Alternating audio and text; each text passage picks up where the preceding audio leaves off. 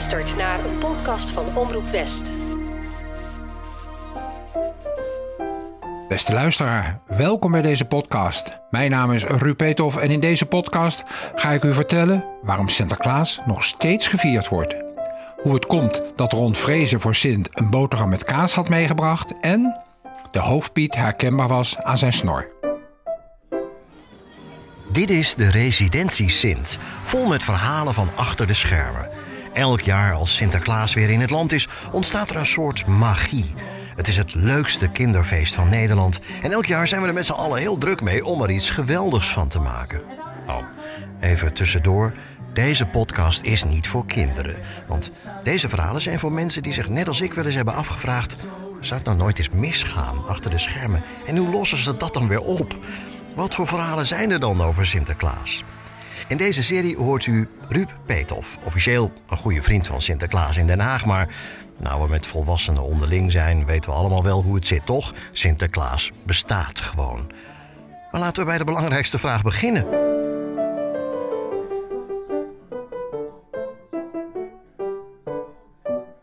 Waarom is Sinterklaas er? Waarom vieren we Sinterklaas? Sinterklaas bestaat. Weliswaar alleen in de hoofden van kinderen tussen de pak een beet drie en zeven jaar. En ik kan het weten, want ik trek al 40 jaar lang heel intensief met die man op. Maar in de hoofden van kinderen tot drie tot zeven jaar leeft hij echt. Kijk, de kinderen daaronder, jongeren, de, de, de, de baby's, die we hebben nog geen besef van Sinterklaas. Er worden heel veel foto's gemaakt van baby's met Sinterklaas samen. Hè. Oh, de eerste keer dat hij Sinterklaas ziet. Zijn ouders allemaal heel enthousiast als Sinterklaas een baby ontmoet. Die krijgt hij dan ook altijd gelijk in zijn armen geduwd als de baby daar en de ouders dat aandurven. Overigens, voor alle Sinterklaasen die luisteren. Er is niets gevaarlijker dan kleine kinderen. Die hebben namelijk de neiging om onmiddellijk in je baard te grijpen dus het eerste wat uh, deze Sinterklaas doet als hij uh, een baby aangereikt krijgt, is hem goed stevig vasthouden zodat hij niet valt. En onmiddellijk die handjes fixeren. Dan weet je in ieder geval zeker dat ze niet in je baard gaan hangen. Nou, dan zijn ze een jaar of twee. En dan missen ze, de, de, de, de, de tweejarigen zijn heel gevaarlijk. Want die missen nog voldoende fantasie om, uh, om door, die, door die vermomming heen te kijken. Dus Godfried Bomans, uh, uh, geboren ergens in begin 1900. Daar fantastische verhalen over geschreven hebben. Misschien kom ik er nog op terug. Die, die zei altijd: kinderen die nog te jong zijn, die zien dat het buurman Bartes is. Want die, die zien Sinterklaas nog niet. Maar als ze drie jaar worden, vier, vijf, zes, zeven, dan is het geloof echt heilig. En ik ben zelf het beste bewijs. Want toen ik vijf jaar was en in eh, de Cornelis Jolstraat woonde... met uh, boven ons de familie Borkes... twee kinderen, uh, Mieke en Jan-Pieter van mijn eigen leeftijd... is ook Sinterklaas een keer geweest. En later, er is een foto van... en ik, ik, ik denk dat ik het me herinner als ik de foto weer zie... ik weet wie het is. Dat hebben ze me later ook verteld natuurlijk. Dat was Tante Maart. En tante Maart was een zuster van mijn oma. En die kwam dan op Sinterklaasavond, om Sinterklaas te vieren, kwam die bij ons in de Cornelis Jolstraat. En die moest altijd even weg. En wat hadden ze nou verdacht? Die moest naar een kennis in Scheveningen, naar een plek die je kende. Dus dat lag voor mij best voor de hand dat ze daar naartoe ging. En die kwam. Uh, ja, ik heb het over de jaren 50, dus het zal echt, uh, was het niet zo'n zo'n supermooie baard. En in mijn herinnering kijk ik in die mijter en zie dat die Sinterklaas met een witte baard grijs haar heeft. En Godfried Bomans vertelt het fantastisch. Hij zegt: Het geloof van Sinterklaas, in Sinterklaas van kinderen tussen de drie en de zeven, is alsof het in die hersentjes langs spoorstaven gaat. De ene spoorstaaf zegt: Het kan niet, want deze Sinterklaas heeft grijs haar in mijn geval. Of als ze wat ouder zijn, je kan met een paard niet over het dak heen lopen. En die andere spoorstaaf, die gelooft heilig dat die bestaat. En die twee spoorstaven bereiken elkaar nooit. Pas als ze 7, 8 zijn, houdt die ene spoorstaaf op. En dan behoren ze uh, omarmd te worden in, uh, in de grote mensenwereld. Maar tot die tijd, als kind, geloof je het heilig. En ik heb het al heel vaak ervaren. Want ik heb in die 40 jaar natuurlijk heel vaak vrienden gehad met kinderen in de, in de gelovige leeftijd. En ja, als je dan eh, de stad Sinterklaas van Den Haag in je vriendenkring hebt, dan doe je daar wat extra's mee. En ik heb dus kinderen om me heen gehad in mijn rol van Sinterklaas, die mij heel goed kennen. Waar ik bij wijze van spreken op paste s'avonds. En die mij dan als Sinterklaas niet herkennen. Tenminste, tussen de drie en de zeven. Zo sterk zelfs dat het, het gebeurde twee jaar geleden in, in uh, coronatijd. Toen er dus wat anders moest gebeuren. En er veel via de televisie uh, gedaan is.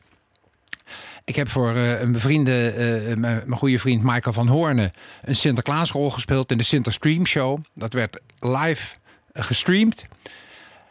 En ik had vrienden van mij met twee gelovige kinderen een, een, stream, een, een link gegeven. De jongste, Sam, toen vier, zit naar die stream te kijken. En die zegt: Ik hoor de stem van Ruud. Ik heb een heel herkenbare stem kennelijk. En die zit dus te kijken naar Sinterklaas, hoort de stem van Ruud. En met die spoorstaven in gedachten, die twee spoorstaven bereikten elkaar dus niet. Zijn broer, die vier jaar ouder is, komt terwijl die uitzending aanstaat binnen. En zegt: Hé, hey, ik hoor Ruud. Oh, zeker Sinterklaas. En gaat gewoon verder. Ze zijn er ook nooit meer in die hoedanigheid op teruggekomen. Nu de oudste wat ouder is, uh, weet hij het inmiddels. De jongste, inmiddels zes, gelooft nog steeds heilig. En daarom vieren wij Sinterklaas. Want iedereen die in Nederland vier, vijf, zes, zeven jaar geweest is, is opgevoed met Sinterklaas, weet hoe fijn het is. En daarom vieren we ook op latere leeftijd, in aangepaste vorm, nog steeds Sinterklaas. We vieren Sinterklaas omdat Sinterklaas bestaat.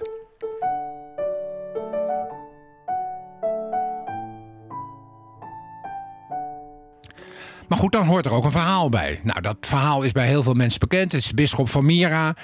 Um, misschien dat ik in een ander verhaal nog wel een keer vertel hoe die uh, in Bari terechtgekomen is en waarom die uit Spanje komt. Maar voor ons woont Sinterklaas in Spanje.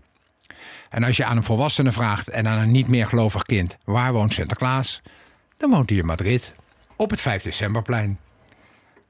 Nog even terug naar Godfried Bomans. Als je er meer van wil weten, lees het boekje wat hij over had. Hij beschrijft dat echt hilarisch. Hij gaat een keer bij hem op bezoek. Is diep teleurgesteld dat hij daar dan geen man aantreft met een baard. Waarop hij zegt, ja, bent u Sinterklaas wel?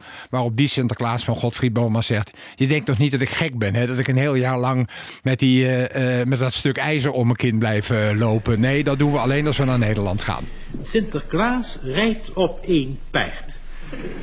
Dat paard is heel, heel erg oud. Het loopt mij een klein beetje harder dan een mens. Het kan natuurlijk wel harder. En Sinterklaas heeft dat op de rechte stukken ook vaak geprobeerd.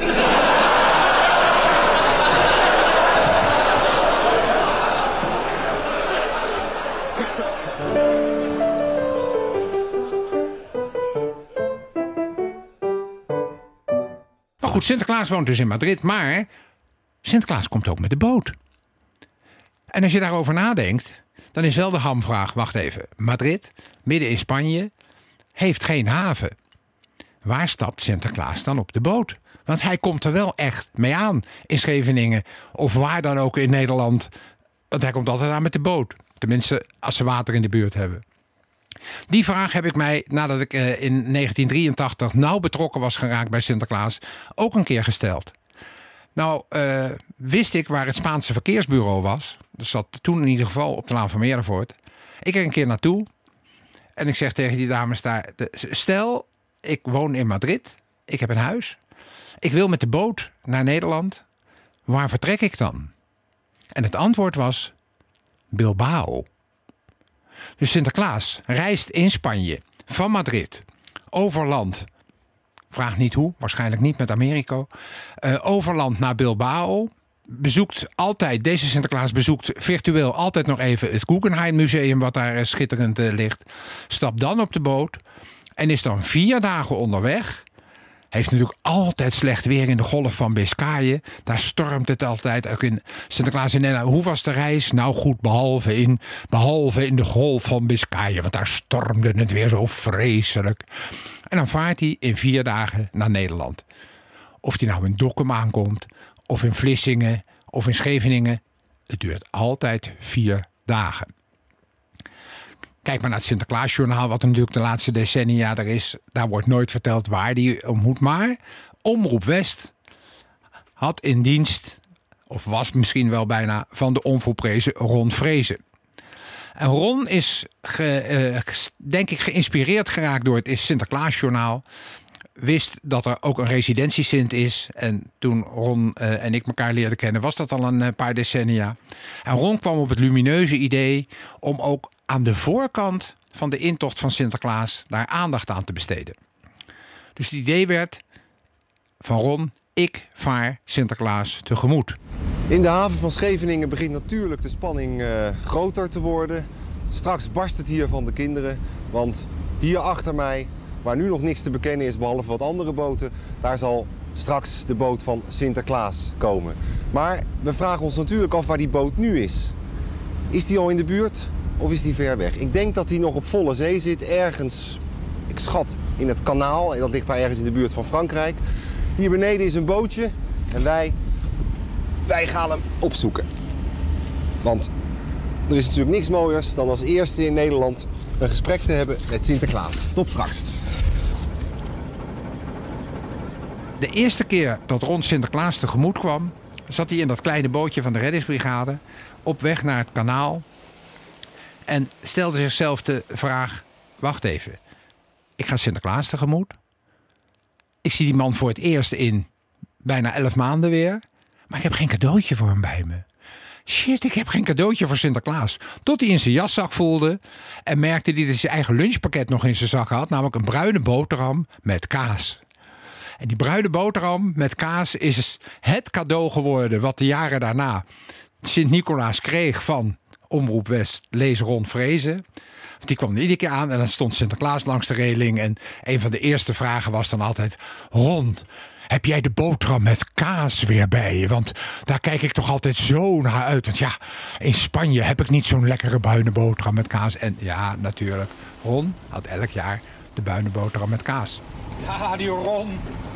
Welkom aan Oh, boord. even voorzichtig doen, want Ja. het kanaal is wild. Ja. Jongen, jongen. Oh, Dag Ron. ik had niet gedacht dat ik u nog zou vinden. Ik denk, hij komt dit jaar niet. Natuurlijk, ik had gehoord dat je me aan het zoeken was. Ja. Dus we hebben vanaf de brug al die tijd naar je uitgekeken. Sinterklaas, het is me een waar genoegen om u als eerste Ach, een echte Hollandse boterham Een aan te heerlijke bieden. Hollandse bruine Kijk eens. boterham. Ja.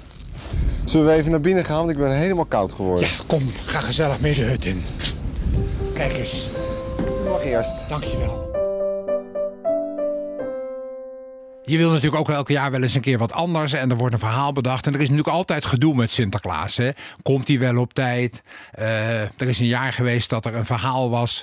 Er staat te weinig water in de haven. Dus de boot van Sinterklaas kon niet aankomen. Ik herinner me nu ineens dat ze toen de brandweer. dat er filmopnames gemaakt zijn van de brandweer. die de haven staat vol te spuiten. Om toch maar te zorgen dat de boot van Sinterklaas zou kunnen aankomen. Nou, dat waren allemaal van die dingetjes die dan spontaan in de voordagen van Sinterklaas verzonnen werden. En een van de verhalen die Ron verzonnen had was: Sinterklaas is zoek. Waar is de boot van Sinterklaas? Niet meer terug te vinden op de radar in het nauw van Calais. Er is iets misgegaan. Dus Ron eh, regelt weer de reddingsbrigade, de onvolprezen eh, vrijwilligers van de KNRM. En die gaan op zoek naar Sinterklaas. Ik weet uit betrouwbare bron dat Sinterklaas inmiddels op het strand liep. Met hoofdpiet, in het donker, op een doodstil zuiderstrand. Ja, november, geen, letterlijk geen hond te zien natuurlijk. En in de verte zag ik een boot met een zoeklicht aankomen. Zo'n heel groot zoeklicht van, van anderhalf tot twee meter doorsnee als die op de duinen schijnt. En die vaart dan zo heel langzaam, scheen die over het strand op zoek naar Sinterklaas. En ja, daar hadden ze hem in ene keer in het licht te pakken. Dus Sinterklaas stond in ene keer in de lichtbundel. Cameraman Goof stond aan bod. Dus dat was echt een prachtig shot. Dat hele lange, die hele lange schaduw van die Sinterklaas over het strand zo tegen de duinenrij op. En die boot. Nou, met een megafoon contact. Ah, Ron, Sinterklaas, we hebben u eindelijk. Ja, ik, ik, ja, riep Sinterklaas terug. Ik, ik ben aangespoeld. Ik begrijp het eigenlijk ook niet meer. Nou, riep Ron, Sinterklaas, ik kom naar u toe. Ja, heel graag. Dan kan je me tenminste redden. Maar het probleem was, althans het leek een probleem te worden. Er waren aan boord natuurlijk al opnames gemaakt.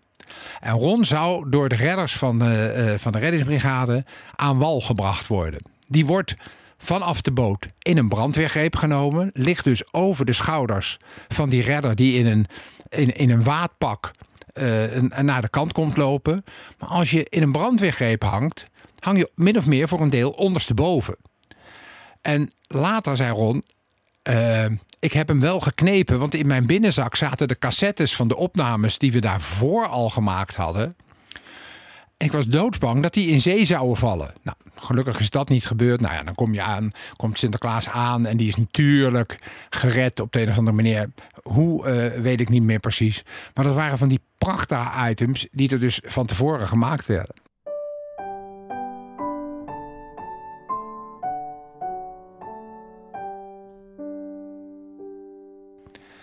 Maar voordat je zover bent, moet je dus een aantal dingen organiseren. En er moest dus onder andere een, een, een Piet zijn. En, en Pieten. En wat pakjes. En werd de vraag gesteld: wat doet Sinterklaas nou onderweg? Want Sinterklaas is vier dagen onderweg. En in diezelfde tijd waren er twee fotografen. ehm, van het, eh, de NRC en de, en de Volkskrant, als ik me niet vergis. Die waren al een paar keer eh, op zoek geweest naar een bijzondere foto van Sinterklaas. Die waren alles aan boord geweest. En die kregen eh, eh, lucht van het feit dat dat boottochtje gedaan zou worden. En eh, die zeiden, nou, wij willen wel mee. Wij willen wel kijken wat Sinterklaas aan boord doet. En er zijn foto's van eh, op een prachtige dag, een zonovergoten najaarsdag. Dat eh, Sinterklaas zit te, te kaarten aan boord op het dek. Sinterklaas zit te sjoelen met de pieten aan boord op het dek. En de hoofdpiet in die tijd was eh, Frans Leef. En eh, tenminste, dat was een, is een verhaal apart. Frans Leef was de hoofdpiet van Sinterklaas bij Omroep West. Nou kom ik zo nog op de organisatie terug. Maar de organisatie is een hele hechte club van mensen die daar elk jaar aan meedoet. Degene die meedoen in de optocht. En daar hoort dus een hoofdpiet bij. Er was dus een hoofdpiet van de intocht. Maar door de betrokkenheid bij Omroep West en de verhalen die we daar maakten, is Frans de Leef heel zachtjes aan de hoofdpiet van Omroep West schuine streep Sinterklaas geworden. Bovendien had hij ook nog de eigenschap dat hij zijn snor liet staan. En Frans heeft natuurlijk een heel groot netwerk in Den Haag. En dus waren heel veel mensen die de snorpiet herkenden. Kijk, eh, eh, we hebben ons best gedaan. We hebben ons best gedaan. En er is behoorlijk wat de mist ingegaan. Maar dat lag aan het weer eigenlijk meer, min of meer. Maar kijk, speculatie, ach, wat zou ik ervan zeggen? Of het nou stookolie is, of motorolie, of dieselolie. Maakt allemaal niet uit. Die boot die vaart en we zijn er bijna. Eh, de manier waarop hij zich manifesteerde was heel enthousiast en heel betrokken. En liep naar iedereen toe dat iedereen dacht dat Frans, dus de Piet met de snor, dat dat de hoofdpiet was. Terwijl de echte hoofdpiet, in het kader van de organisatie, met de staf naast Sinterklaas liep. Nou, dat was niet altijd, werd door de hoofdpiet weer niet, het was altijd wat, ja, ho- hoofdpiet word je bij Sinterklaas door promotie. Er is, toen ik voor het eerst met Sinterklaas in 1983 op pad mocht, was er een hoofdpiet. Die eh, stopt er ook op een gegeven moment mee, want bij iedereen gaat leeftijd tellen. En dan wordt er gekeken uit de groep vrijwilligers die al jaren meeloopt, wie er promotie mag maken om hoofdpiet te worden. Nou valt dat in mijn geval nog wel mee, want als je bij mij hoofdpiet wordt, werd althans bij de Sinterklaas, de residentie Sint in Den Haag, dan werd je ook gelijk stafpiet. Want deze Sinterklaas heeft een bloedhekel aan de staf. Ik kom erbij aan en het eerste wat ik doe is hem in handen van de stafpiet eh, drukken en zeggen: Goed oppassen, bij hem in de buurt blijven. Want dan heb je tenminste twee handen vrij. Want dat ding is echt. Dus eh, eh, mijn hoofdpiet is tevens stafspiet, loopt altijd trouw mee met Sinterklaas. En op een gegeven moment is het wel zo verwoorden in, in de optocht. En ik kom zo op de organisatie dat eh, allebei hun eigen rol hadden. Eh Frans is jarenlang eh meegeweest met, mijn, met mij als semi-hoofdpiet. En mijn hoofdpiet was gepromoveerd tot stafpiet. Voor Sinterklaas een heel belangrijke rol, want dan hoefde hij tenminste zelf die staf niet te dragen.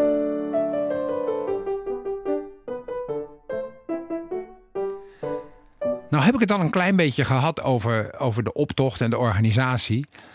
En ik denk dat er heel veel mensen niet stilstaan bij wat er komt kijken voordat Sinterklaas überhaupt aan kan komen. En dan maakt het niet uit of dat nou in Den Haag is, of in Gouda, of in uh, Stolwijk, of in Katwijk, of waar dan ook. Overal moet er iemand het initiatief nemen. We gaan Sinterklaas ontvangen. En dan zijn er een, is er eigenlijk een soort checklist die iedereen af moet lopen, waar je Sinterklaas ook organiseert. Is, um, ik moet een vergunning hebben. Heb ik een Sinterklaas? Elke organisator zit met de vraag. Um, de laatste jaren, en ik weet niet hoe het komt, maar is een van de moeilijkst beantwoorde vragen: is er een wit paard? Paarden kom ik straks nog terug, want niet elk wit paard is een goed Sinterklaasenpaard. Ah, als zo'n organisator dan, dat dan allemaal een beetje op een rijtje heeft, hij heeft zijn vrijwilligers, want bijna elke Sinterklaas-intocht draait op vrijwilligers, ook die in, de, in, Den Haag. Um, zijn de pakken er? Heb ik een vergunning? Want hoe je het ook wendt of keert, je hebt een lokale vergunning uh, nodig. Nou, in mijn luxe geval is dat begonnen met het Algemeen Haags Comité. En nu is dat DB-evenementen uh, die op een voortreffelijke wijze de intocht organiseert. En dus alle productieachtige dingen regelt. Dus de credits voor het feit dat er überhaupt een Sinterklaas in de haven van Scheveningen aankomt, ligt echt bij de organisator hier in Den Haag, bij DB-evenementen. En in elke andere stad. En ik wil tegen iedere luisteraar zeggen: realiseer je wat die mensen gedaan hebben om Sint überhaupt in de tabbert te kunnen krijgen voordat het zover is. Dat is echt dat is een hele uitdaging. En je moet ongelooflijk betrokken zijn als vrijwilliger om dat allemaal uh, te willen organiseren.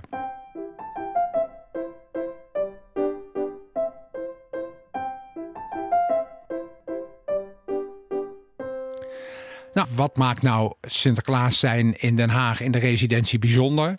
Dat je echt heel lang op een paard zit. Want de routes in Den Haag zijn, doordat het natuurlijk ook een grote stad is, zijn echt altijd heel lang. De, de gemiddelde intochttijd in Den Haag is toch gauw vijf uur.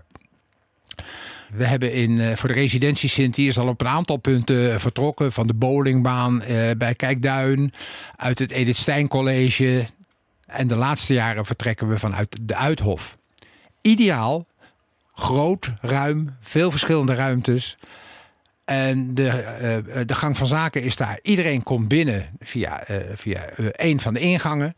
Het eerste wat je dan ziet is de firma De Wit, die daar echt een complete verkleedkledingkast heeft hangen. Voor iedereen hangen hangt er kleding in de juiste maat, in het juiste soort, want daar zit nog wel wat verschil tussen.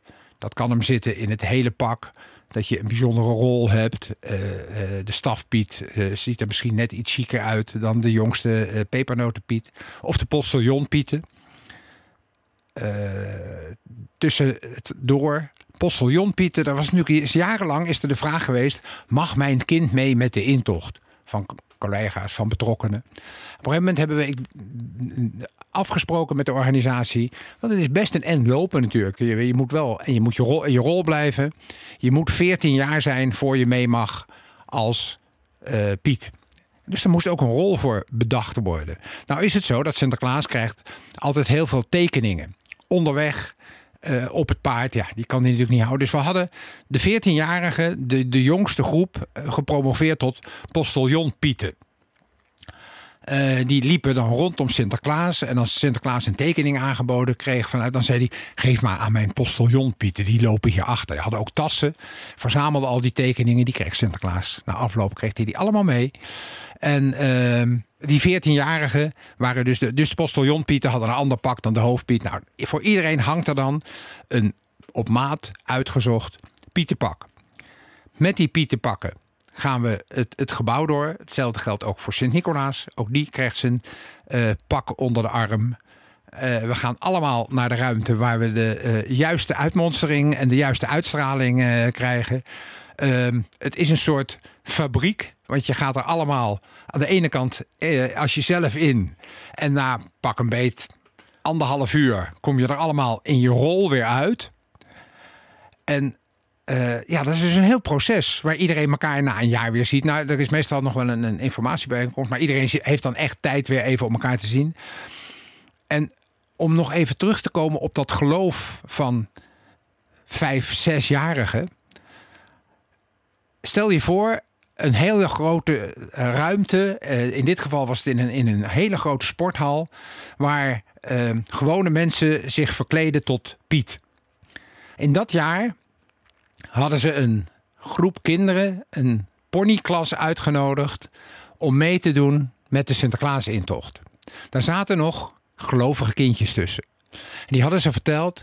Sinterklaas heeft gevraagd of jullie in als Pietjes verkleed mee willen doen met de intocht. Nou, dat vond iedereen prachtig natuurlijk. Maar mee met Sinterklaas, zeker als je er nog in gelooft. Dat is het helemaal. Maar die kinderen kwamen later in de hal aan. Dus die hoefde, want die hoefde niet mee op de boot. Want de ploeg die meegaat op de boot is de eerste die zich moet verkleden. En er komt een groepje gelovige ponypietjes binnen. Die zien die hele grote hal met al die al verklede en geschminkte pieten. En om aan te geven hoe, geloof, hoe diep het geloof zat, zegt de een tegen de ander: Het is een citaat. Ah, kijk eens, de echte zijn er al. Fantastisch toch, hè? Dus ook helemaal niet hoe, hoe, hoe diep het in het geloof van die kinderen zit. Nog een uitstapje. De boot vertrekt, zeg ik eerlijk, uit de haven van Scheveningen. Op de boot kom ik nog wel terug, maar we hebben een tijd lang de Sir Arthur gehad. Een pracht van een jacht. En de eigenaar was ook echt volkomen Sinterklaas addicted. Grote fan van de Sint. Maar die vond het natuurlijk ook leuk om zijn kinderen mee te nemen en zijn kleinkinderen. Maar dan moet je dus voorstellen, dan ben je een kleinkind van iemand die de boot van Sinterklaas heeft. Die kan dan nog wel zeggen, we gaan Sinterklaas halen. Maar het verhaal blijft, hij komt van ver weg. Hè? Dan stap je dus als kind in de haven van Scheveningen aan boord. Daar komt Sinterklaas, alle pieten komen daarbij. Je gaat op schoot bij Sinterklaas, daar worden foto's van gemaakt. En er is geen moment waarin je dus twijfelt of het verhaal wel klopt. Terwijl je thuis op de boot van Sinterklaas stapt, met hem de haven uitvaart, terugvaart naar de haven van als gelovig lief klein kindje en het volledig accepteert dat hij bestaat. Want ook voor die kinderen die bij Sinterklaas op de boot stapten, bestaat Sinterklaas en die heeft dat hele jaar en de jaren daarna gewoon bestaan. Zo ontzettend diep zit het geloven en het feit dat ze willen geloven. Terug naar de grote hal. Iedereen is verkleed. Eh, er zit altijd natuurlijk een afstand tussen de hal en, eh, en de boot. Dan gaan we met de bus eh, naar, naar de boot toe. Jarenlang is die bus ook nog met papier helemaal afgeplakt geweest. Wat ik persoonlijk niet zo'n succes vond, want ik ben een potentiële zeeziekteklant. En in een afgeplakte bus zitten die, rond, die, die bochten maakt, is ook geen feest. Dus dan is het een soort koekblik van figuranten, vol met pieten en één met een Sinterklaas. En dat rijdt dan naar Scheveningen toe, waar de boot ligt. Maar dat is zo vroeg dat je hoeft ook niet bang te zijn dat je daar gelovigen tegenkomt. En eh, ik heb het net verteld, zelfs al zouden kinderen zien dat daar Sinterklaas aan boord gaat, dan nog, dat deleten ze in haar hoofd. Ze zien hem later alleen maar terugkomen. En ze zien hem nooit weggaan. Dus we gaan met z'n allen aan boord van de boot. En dan vaart de boot van Sinterklaas zichzelf tegemoet om ergens van zee weer te kunnen terugkeren. Nou heeft Sinterklaas het eh, persoonlijke probleem dat hij een potentiële zeeziekteklant eh, is. En dus eh, daar heel goed zichzelf op moet voorbereiden. Dat kan ik gelukkig. Ik kan mezelf in mijn hoofd zodanig programmeren dat ik weet dat ik de zee op ga. In het begin, en dan heb ik het over de begin jaren tachtig, was het ook nog gebruikelijk dat er aan boord gegeten werd. Dat er erwtensoep eh, ge- geserveerd werd, beneden onder in het ruim. Dat er toen nog gerookt werd. Nou, Sinterklaas wist dat hij daar niet moest zijn. Want erwtensoep etende mensen, s'morgens om 8 uur, die ook nog in een rokerige omgeving zitten, is heel slecht voor een potentiële zeeziekteklant. Dus Sinterklaas heeft altijd, eh, eh, altijd uitzicht. En eh, ervaring helpt. De, ehm, er is een hele mooie, hele, ook enge, hele enge foto. Terug naar de Sir Arthur. Wat een prachtig jacht was. Waar in de jaren 90 al flatscreens in eh, stonden. En dus ook een hele mooie master's bedroom was. En Sinterklaas kreeg om de zeeziektetijd te overbruggen de master bedroom. En wat helpt in zo'n geval is gewoon heel relaxed gaan liggen. Sinterklaas was gaan liggen. Hij was nog net niet in slaap gevallen. Maar je kent die beelden wel van die van die, uit, die, die, sarcofagen. Willem van Oranje heeft een prachtige in Delft. Waar, waar die dus overleden uh, in, uh, in marmer gehouden op zijn kist ligt. Nou, zo'n plaatje was het. Daar heeft iemand een foto van. Het is een doodenge foto. Want Sint ligt volledig relaxed op dat bed. Zijn handen gevouwen op zijn borst. En je ziet hem natuurlijk, A is de foto. Maar je zag hem, door dat, al die kleding, zie je zo'n Sinterklaas ook niet ademen. Dat, iedereen was heel blij dat hij weer aan dek uh, verscheen. Dus ja, even terug naar, uh, naar mijn potentiële zeeziekte uh, gebeuren. Um, de laatste jaren heb ik een eigen hoekje aan boord. Daar ga ik gelijk zitten en word alleen maar wakker gemaakt als Omroep West of de kade nog contact met Sinterklaas wil. Maar dan zet Sinterklaas zichzelf gewoon uit. Ze mogen om me heen doen en laten wat ze willen. Maakt me allemaal niet uit. Sinterklaas heeft zichzelf uitgezet, doet zijn ogen dicht. En dat is een ideale manier om geen last te hebben van, van uh, de zeeziekte. Bovendien moet ik eerlijk zeggen, uh, de, de schipper uh, is zo verstandig om, als het echt heel slecht weer is, ook niet echt naar buiten te gaan. En ook dat maakt voor de doelgroep niet uit. Sinterklaas is gewoon een half uurtje eerder aangekomen. We zien hem niet aankomen van zee, maar hij ligt gewoon al in de haven. Ligt hij te wachten tot hij verder mag. Nou, wat aardig van hem dat die man even op ons wacht, tot we dan zijn natuurlijk. Dat heeft ook wel een reden, want er is één jaar geweest, uh, dat was best heftig, dat we wel naar buiten gegaan waren. En dan gaan natuurlijk heel veel figuranten mee. Afhankelijk van hoeveel ze er zijn, gaan er een aantal bands mee aan boord. Bandjes, want het is hartstikke leuk natuurlijk als de boot van Sinterklaas aankomt met, uh, met muziek. En er is een jaar geweest, was een heftig, letterlijk en figuurlijk een heftig jaar door wat er gebeurde, maar ook door het weer. Is er een, een, een, een vrij jong meisje van een, een van de bands, die heeft aan boord iets gebroken. In mijn herinnering een been. Maar die moest natuurlijk van boord. En nou ja, dan heb je natuurlijk een fantastische reddingsmaatschappij die langs zee komt, die dat kind stabiliseert aan boord. Moet je je voorstellen, een boot met minimaal 50 figuranten, die op weg is naar vele tienduizenden kindjes die in de haven staan te wachten met hun ouders, waar een patiënt van geëvacueerd moest worden. Dus die is eerst aan boord gestabiliseerd, met heel veel vakkundigheid overgebracht op de reddingsboot en toen naar de kant gebracht en uh, daar gelukkig in een ambulance. Voor de rest, uh, het was wel heel vervelend, maar voor de rest niet levensbedreigend. Maar ja, dat wetende uh, en je toch met een hele grote groep niet ervaren uh, zeemensen, zegt dus de schipper terecht, in overleg met de organisatie Peter Boelhouwer van de DB Evenementen we blijven binnen de havenhoofden. De aankomst in Scheveningen is al sinds 1983 uniek in die zin dat en Sinterklaas van Zee komt. En dankzij het feit dat er een hele grote, toch hele grote jachthaven is, waar heel veel mensen een eigen boot hebben liggen, die ook nog gelovige kinderen hebben. Dus wat is er mooier dan met je eigen boot Sinterklaas tegemoet varen? En er is al sinds jaar en dag een boot. En volgens mij geven ze het spandoek door aan elkaar. Want in mijn herinnering is, dat er al, is die boot er al 40 jaar. Nou, die kinderen zijn echt een stuk ouder geworden in die 40 jaar, hoop ik. En daar staat dan heel groot op de mast die gestreken is, want ze varen natuurlijk op de motor. Welkom Sint en Piet. En dat maakt de intocht in, in, Den Haag, Scheveningen echt uniek de Sinterklaas van de residentie wordt tegemoet gekomen door een armada van bootjes. Uh, in het jaar uh, dat Scheveningen 200 jaar bestond, uh, Scheveningen 200, heeft de, de organisator daarvan een drone de lucht ingestuurd. En er zijn hele mooie beelden. Het was ook een prachtige dag om dronebeelden te maken.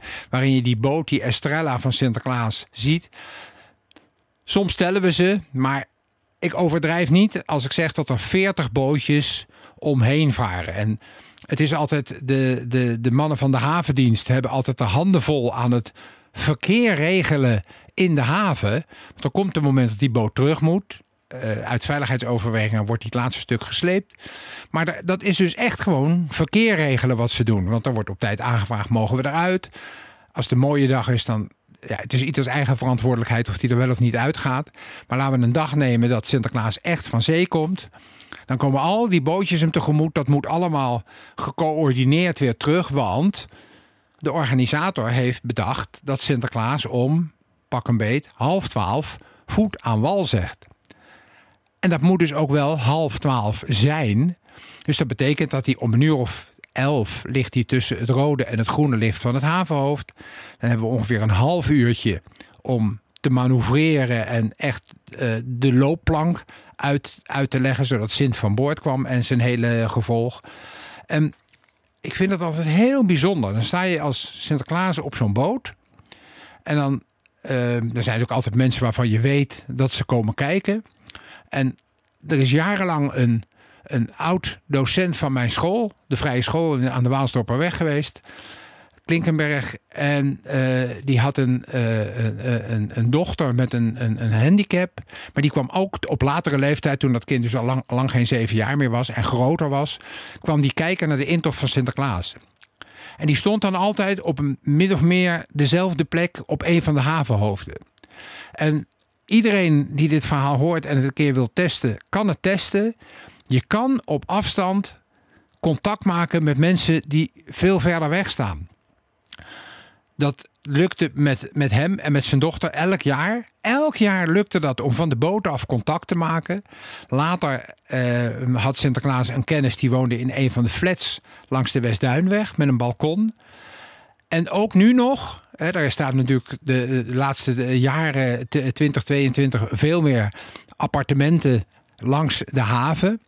En het is elk jaar de uitdaging van Sint om eenmaal op de boot staande ergens een familie zeg maar, uit te kiezen.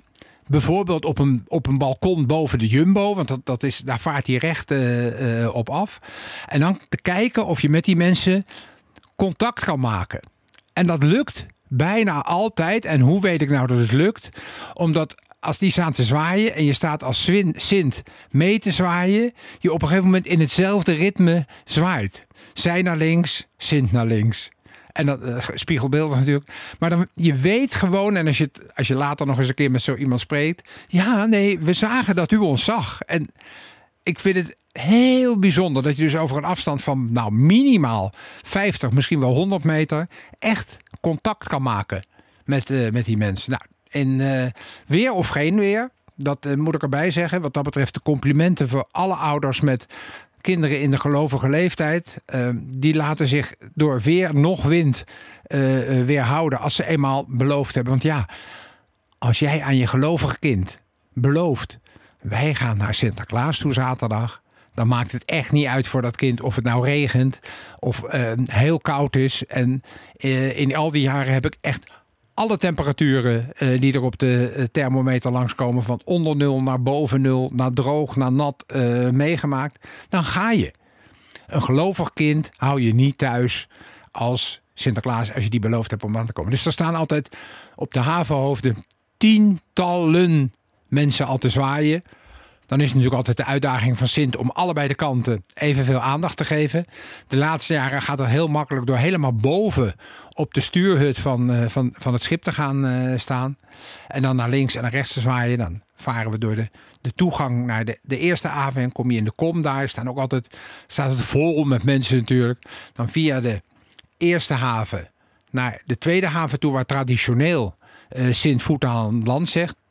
Dan staat er een cameraman naast Sint boven op het dak. En dan heb je een overzicht over de haven die gewoon helemaal vol staat met kinderen.